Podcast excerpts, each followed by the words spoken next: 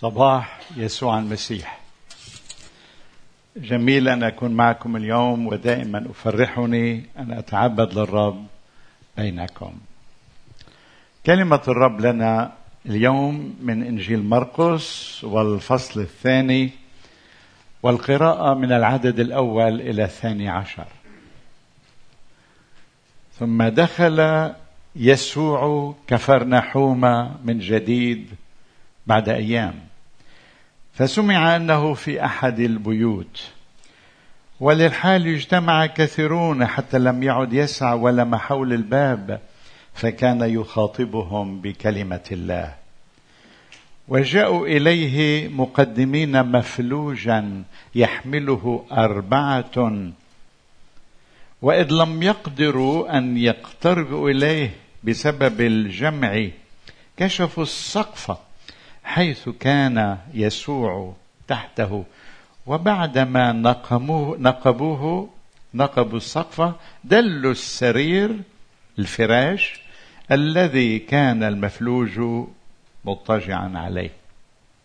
فلما رأى يسوع إيمانهم قال للمفلوج يا بني مغفور لك خطاياك. وكان قوم من الكتبة هناك جالسين يفكرون في قلوبهم يقولون لماذا يتكلم هذا هكذا بتجاديف؟ من يقدر أن يغفر خطايا إلا الله وحده؟ للحال شعر يسوع بروحه أنهم يفكرون هكذا. في أنفسهم فقال لهم لماذا تفكرون بهذا في قلوبكم؟ إيه أسهل. أن يقال للمفلوج مغفورة لك خطاياك أم أن يقال له قم احمل سريرك وامشي. ولكن لكي تعلموا أن لابن الإنسان لكي تعلموا أن لابن الإنسان لكي تعلموا أن لابن الإنسان سلطانا على الأرض أن يغفر الخطايا. قال يسوع للمفلوج لك أقول قم واحمل سريرك واذهب إلى بيتك. فقام للوقت حالا وحمل السرير وخرج قدام الكل حتى بهتوا جميعهم وسجدوا. لله قائلين ما رأينا مثل هذا قط. آمين. وليبارك الرب كلمته إلى قلوبنا وله كل المجد موضوع اليوم بعنوان سيرتي أنا المفلوج الذي شفاه يسوع.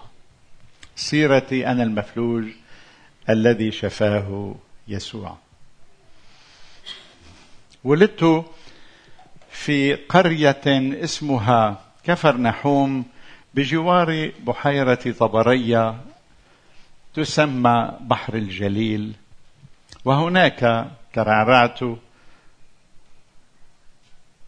أهلي سموني يوسف. وفي الرابعة من عمري أتذكر تماما أنني أصبت بالشلل فأصبحت مفلوجا. لا أستطيع أن أتحرك. لا أستطيع أن أمشي. كنت ألعب مع رفاقي الصغار مع بعض إخوتي.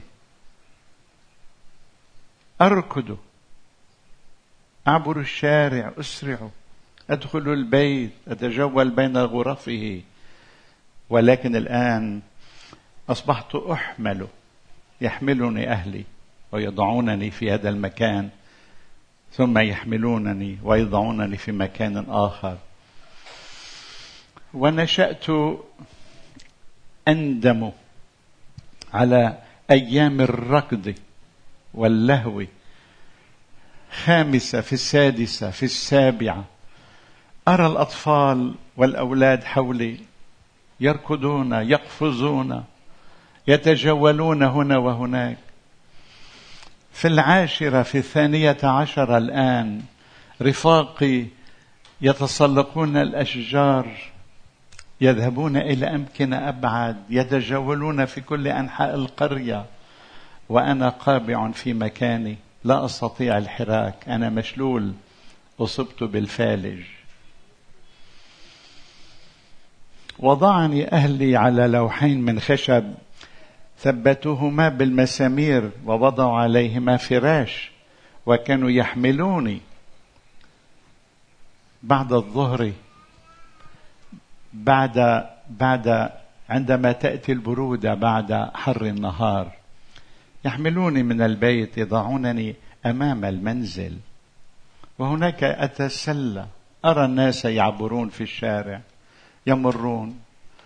هذا حمار هذا بغل هذا جمل أتسلى. يحيونني. أقول مرحبا. ثم يحملوني في الليل إلى الداخل. في البيت معنا مع إخوتي الصغار أبي وأمي. كان جدي يقيم معنا. وكنت دائما أسمعه يتلو من كلمة الله المزامير. يتلوها تلاوة يرددها. كنت أسمعها وأصغي. ربيت في هذه الأجواء. وعندما أصبحت في الثالث عشر من عمري وأنا مشلول يحملونني يضعونني هنا ويضعوني هناك ابتدأت أربي ابتدأ يربى في قلبي حقد دفين ضد الله. جدي يصلي. أهلي مؤمنون يحبون الله يتكلمون عنه أنه الخالق وأنه ربنا. وأنا أسمع إذا هو خلقنا إذا هو ربنا لماذا أنا في هذه الحالة؟ لماذا أنا شليل؟ هل هو عادل؟ ابتدأت مفاهمي آه، تتوسع. إدراكي ينمو. أصبحت قادرا على التحليل. إذا كان الله هو خالقي لماذا خلقني؟ لماذا يسمح أن أشل وأصبح مفلوجا؟ بينما غيري يتمتع بالصحة والعافية. رفاقي. فرحون أحرار يتجولون يمشون يتحركون وأنا في هذه الحالة. الله الله لا أحبك لا أحبك. ابتدات اربي في قلبي حقدا يتراكم يوما بعد يوم. وانتقل بعد ذلك هذا الحقد هذه الكراهية لله انتقلت إلى الناس.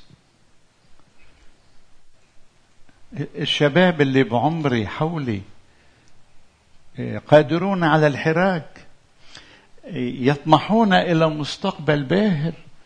كلهم ابتدأ الآن يعمل في بعض الحرف لكي يعتاش منها لاحقا.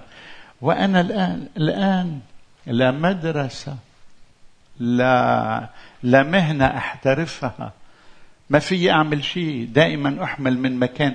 لماذا هم يقفزون يفرحون يتجولون ينتقلون من قرية إلى قرية يتسلقون الأشجار يجلبون الثمار من هنا وهناك وأنا ما فائدتي ما قيمتي وابتدأت أحسدهم أحسدهم. وكم تمنيت أن يحرموا من نعمة المشي ويصبحوا أشلاء مثلي. كم تمنيت لكل الناس أن يصابوا بالفالج. كما أصبت أنا. لماذا أنا وحدي أتألم؟ هذا يربى في قلبي حقد على الله. يربى في قلبي كراهية للمجتمع حولي وللبشر. ولماذا أنا بهذه العلة؟ أصبحت الآن في الخامسة عشرة في السادسة عشرة. وهذا يربو في يوما في يوم. ولكن كنت ابتدأت أستطيع التحليل والتفكر وكان يساعدني تمتمات وما يتلو جدي من آيات الكتاب ومن المزامير ومن مقاطع من كلمة الله حفظها غيبا. فمرة كنت أسمعه يقول باركوا الرب لأن الرب صالح لأن إلى الأبد رحمته أعجبتني فرحت أكررها. باركوا الرب. لأن الرب صالح لأن إلى الأبد رحمته. ولكن ماذا تعني هذه العبارة؟ باركوا الرب لأن الرب عادل. لأن إلى الأبد رحمته. أين العدالة؟ الكل يركض ويمشي وأنا شليل. أين الرحمة؟ أين الرحمة علي؟ لماذا لا يرحمني؟ فمن ناحية كانت هذه الآيات الجميلة الكريمة التي يتلوها جدي تحرك في شيئا من إيمان داخلي وفي الوقت نفسه تسبب لي الكثير من التضعضع الفكري والشكوك. فأصبحت تائها بين الإيمان وعدم الإيمان ولا يزال الحقد ضد الله يتملكني. وتكاثرت شهواتي الداخلية ونحن بشر. فأصبحت أدرك كم أنا قبيح كم أنا حقير في داخلي. نواياي غير طيبة غير سليمة. أنا فاسد فاسد فاسد. وأحيانا أتذكر ما كان يردد جدي في المزامير. قول داود بالآثام صورت وبالخطيئة حبلت بي أمي. قلت هذه حالتي. أنا خاطئ خاطئ خاطئ. وتصدق ثقلت بالذنب كثيرا. ألم خارجي في جسمي وألم داخلي في نفسي بسبب الخطيئة المتربعة في وكان أهلي بينما يحملونني عشية لكي يضعوني أمام المنزل. يتجمع بعض الرفاق من سني يجلبون معهم بعض الفاكهة بعض المأكولات يتسلون حولي يخبرونني قصصا. نتساير يزيل هذا همي. وكنت كما قلت ابتدأت أتفتح وأحلل في الحياة. فقلت لنفسي يوما لماذا يا يوسف؟ هكذا أسماني أهلي أسموني أهلي. لماذا يا يوسف؟ أنت لا ترى إلا شللك. لماذا تركز عليه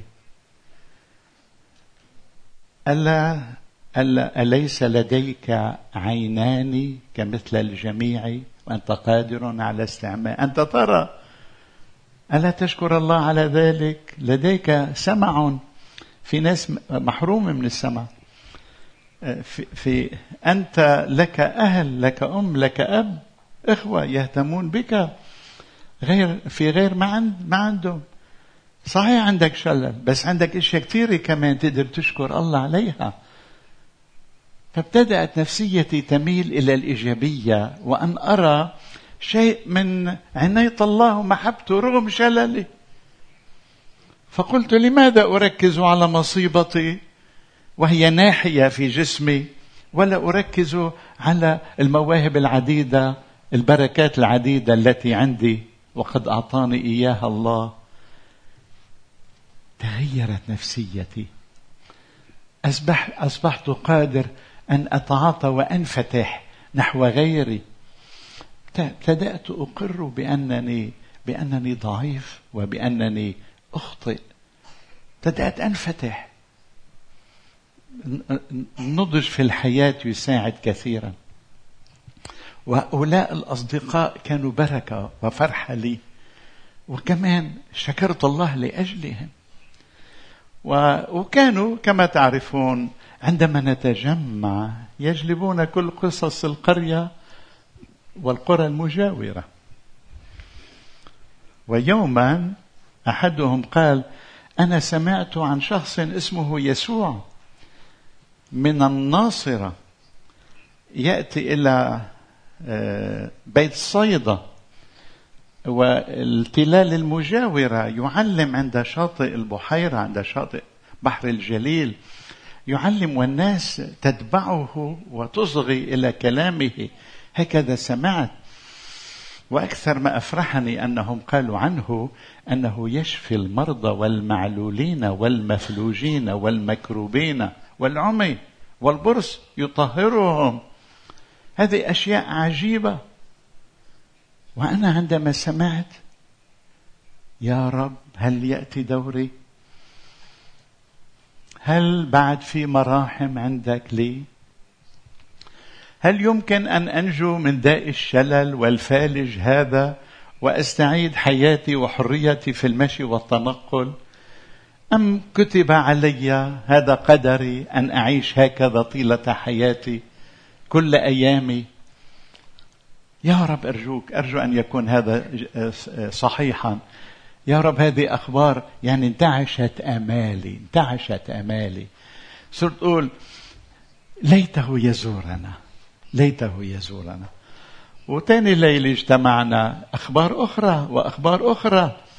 فانتعشت آمالي كثيرا أنه قادر وأنه ربما يأتي وربما يكون لي نجاة. فأصبحت أتوقع زيارة من هذا الكريم زيارة من هذا الرائع الذي يمكن أن يشفيني. ويوما بعد الظهر تقريبا حول الساعة الثالثة هاجم إلى بيتنا أربعة من الشباب أصدقائي الذين يأتون ويجلسون معي. أربعة جاءوا وقرعوا باب منزلنا.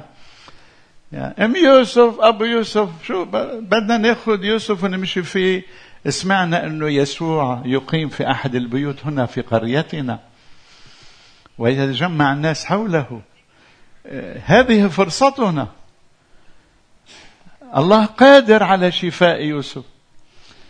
اي ويعني تقريبا بالقوة حملوني ولبسوني وحطوني على الفراش وحطوني على الخشب وحملوني أربعة كلهم من زاوية على هذا السرير. والاصطناعي وركضوا بي وأنا ترجرج على لوح الخشب ملقا عليه. وهم في الشوارع وينزلون ويصعدون إلى أن وصلوا إلى البيت حيث يسوع يقيم. وقالوا الأربعة وهم يسيرون هذه فرصتنا. يا رب اتحنن علينا واشفي صديقنا يوسف. وكانوا هن عم بيتحدثوا وأنا عم بسمع. وكنت قدر كثير محبة الأصدقاء وصرت أقول في نفسي الإنسان قليل بنفسه كثير بأصدقائه. صرت صلي أقول يا رب أعطيه أصدقاء من هالنوع لكل الناس. وقلت له يا رب اجعل لي كمان أنا كن صديق. لكل محتاج غيري. وبخاصة إذا شفيتني. وصلنا لهونيك. وحاولوا الأربعة أن يدخلوني إلى المنزل لكن كيف؟ المنزل الناس تحتشد فيه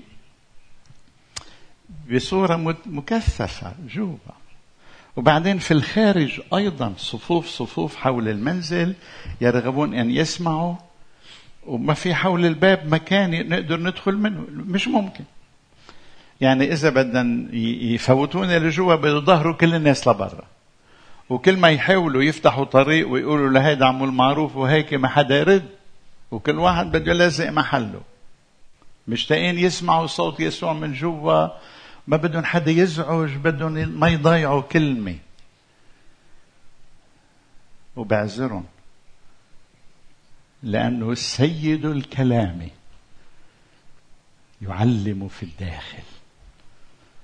فاصمتي قدامه يا كل الأرض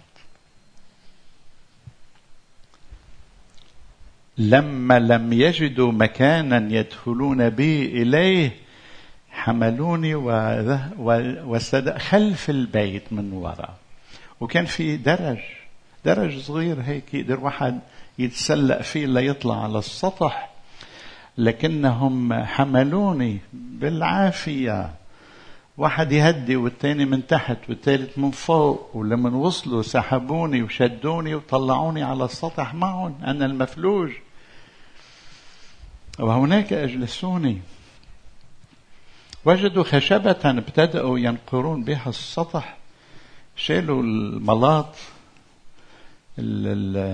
تبع الحوارة والتراب يلي بيسمكوه حتى ما تشت الدنيا وينزل الماء على البيت.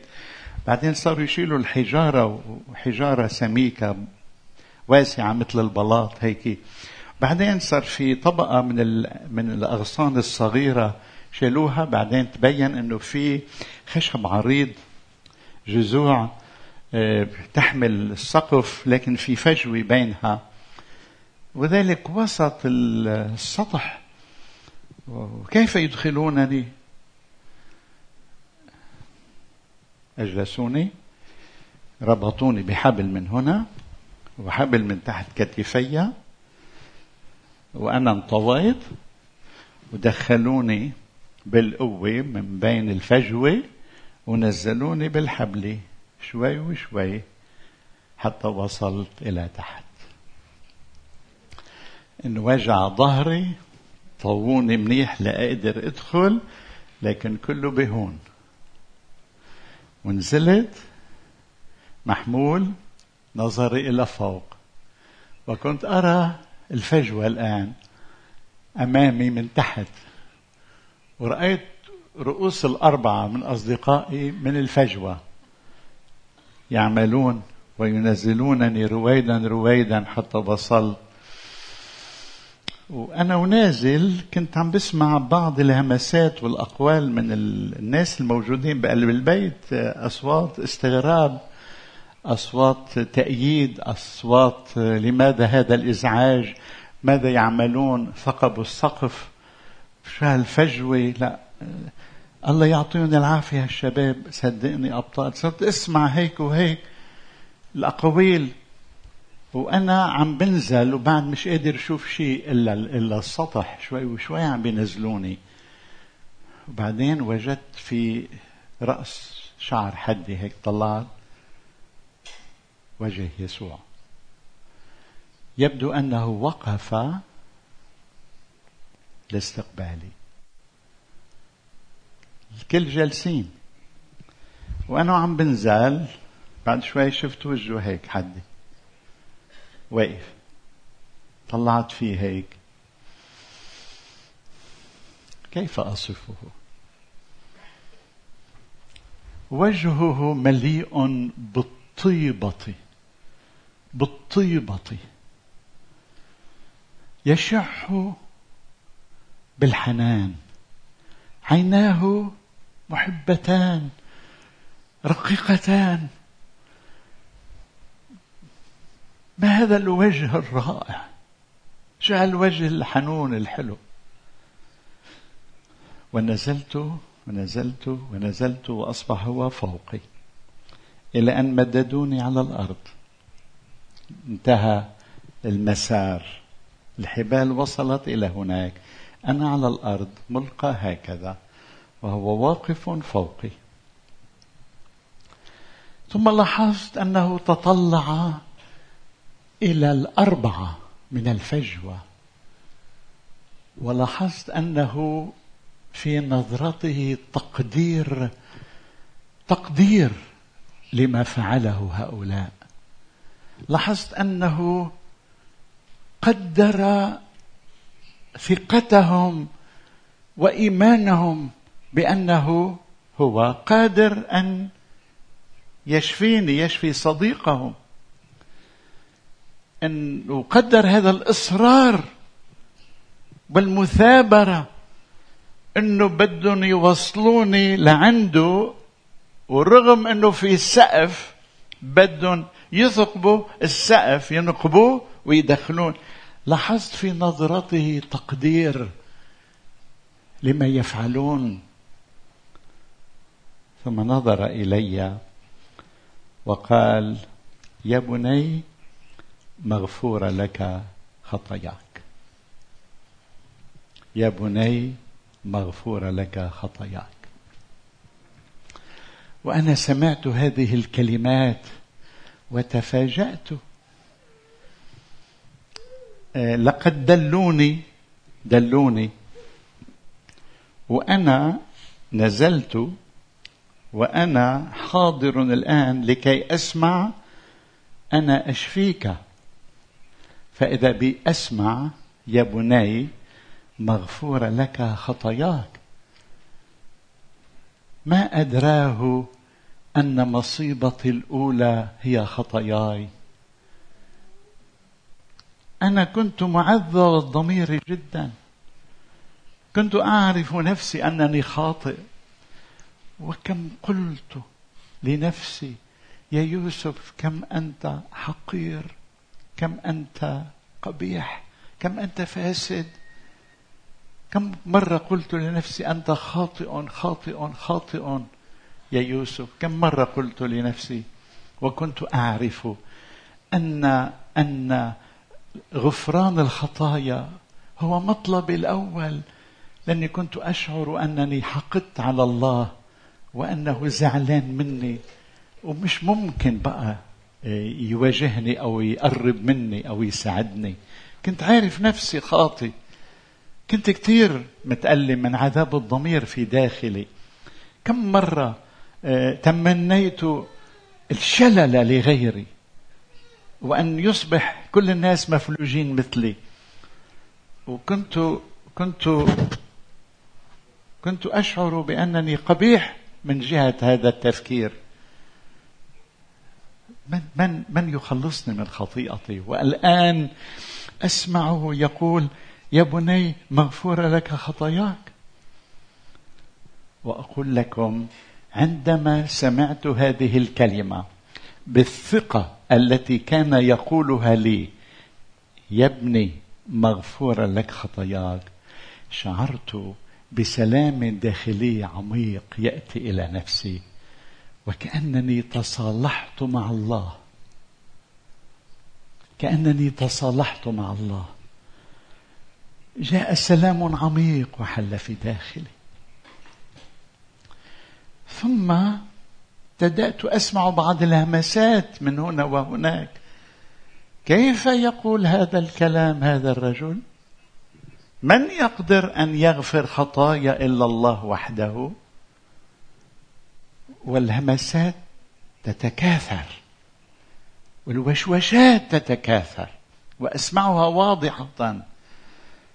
وابتدأت أشك في فيما قاله. الله يغفر الخطايا. كيف يقول هذا مغفور لك خطاياك؟ من هو هذا لكي يقول لي مغفور لك خطاياك؟ هذا أثار انتباهي وحبي للاستطلاع. وصرت أرغب أن أعرف من هو.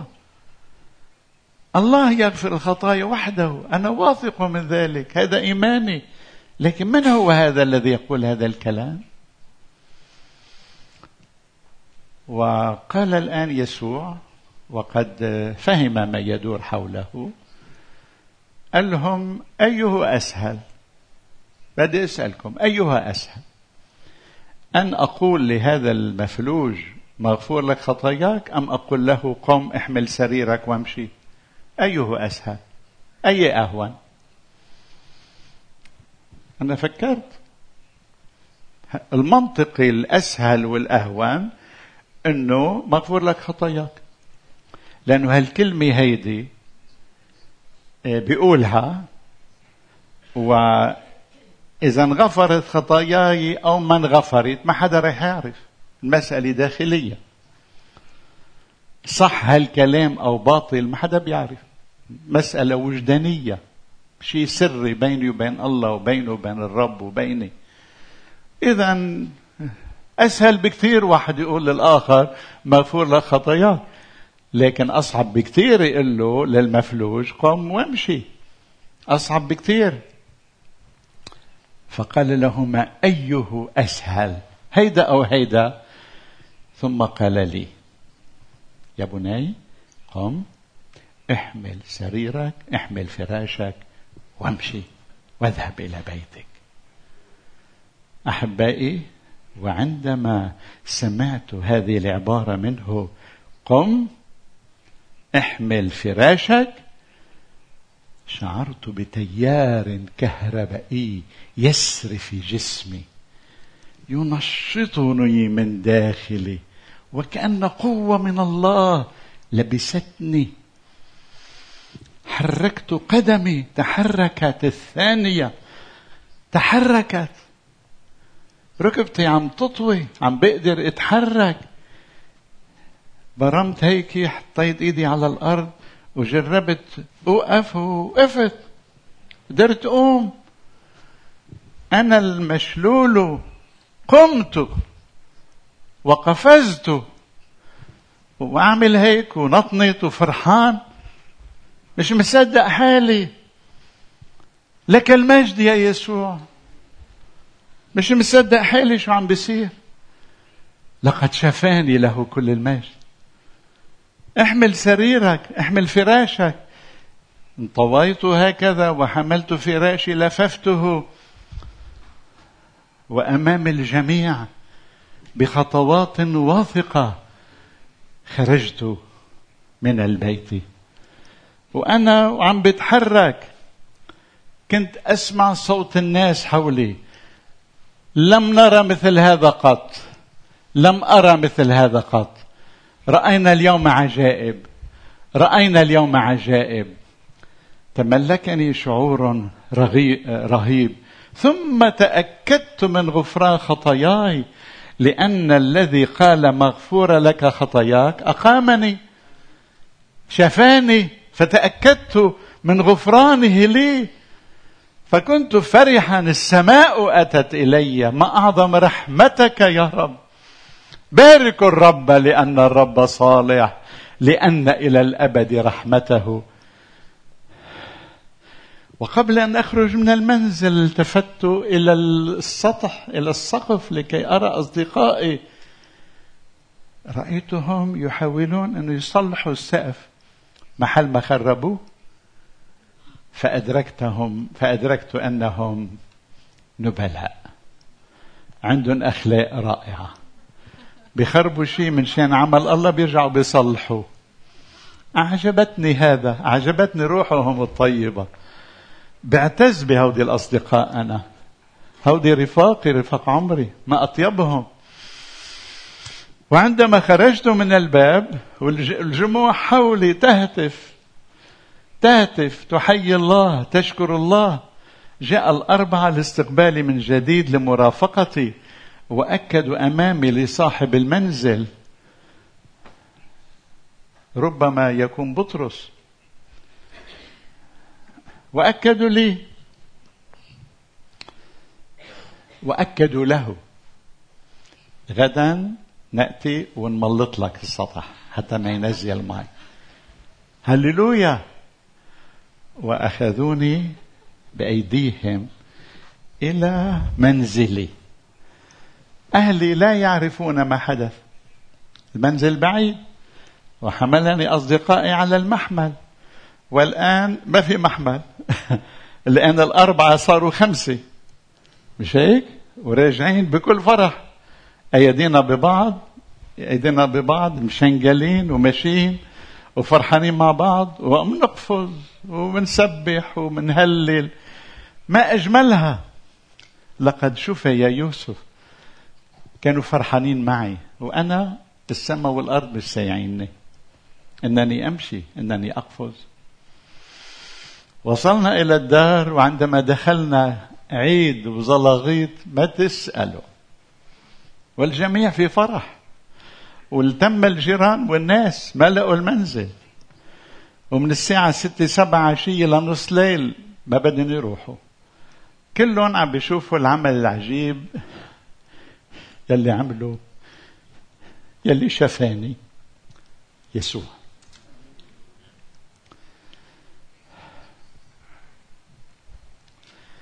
نصف الليل حل ابتدأ الناس ينصرفون وبالأخير كنا وحدنا وأبي وأمي قربوا مني وبوسوني وشكروا الله.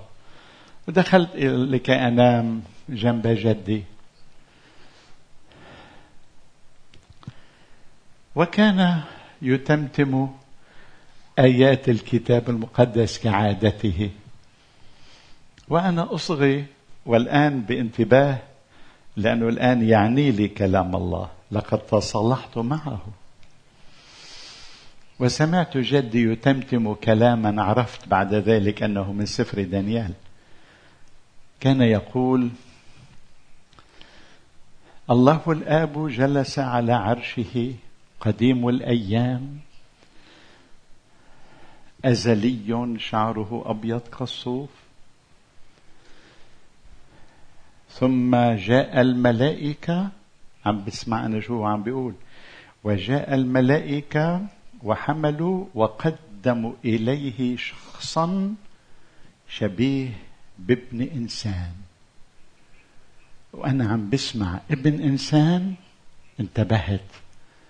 ماذا قال يسوع عن نفسه؟ ابن الإنسان له سلطان أن يغفر الخطايا. إيه؟ ابن إنسان شخص شبيه بابن إنسان. قدموه فوقف أمام الآب. وتابع جدي دون أن يدري ما أنا أحس وأتفاعل به. كم أكمل؟ ما جاء في سفر دانيال. فعندما وقف هذا الشخص ابن الإنسان أمام الآب قال أعطاه الآب سلطانا ومجدا وملكوتا لكي تتعبد له كل الشعوب. ملكوته ما لا يزول وسلطانه لا ينقرض إلى الأبد.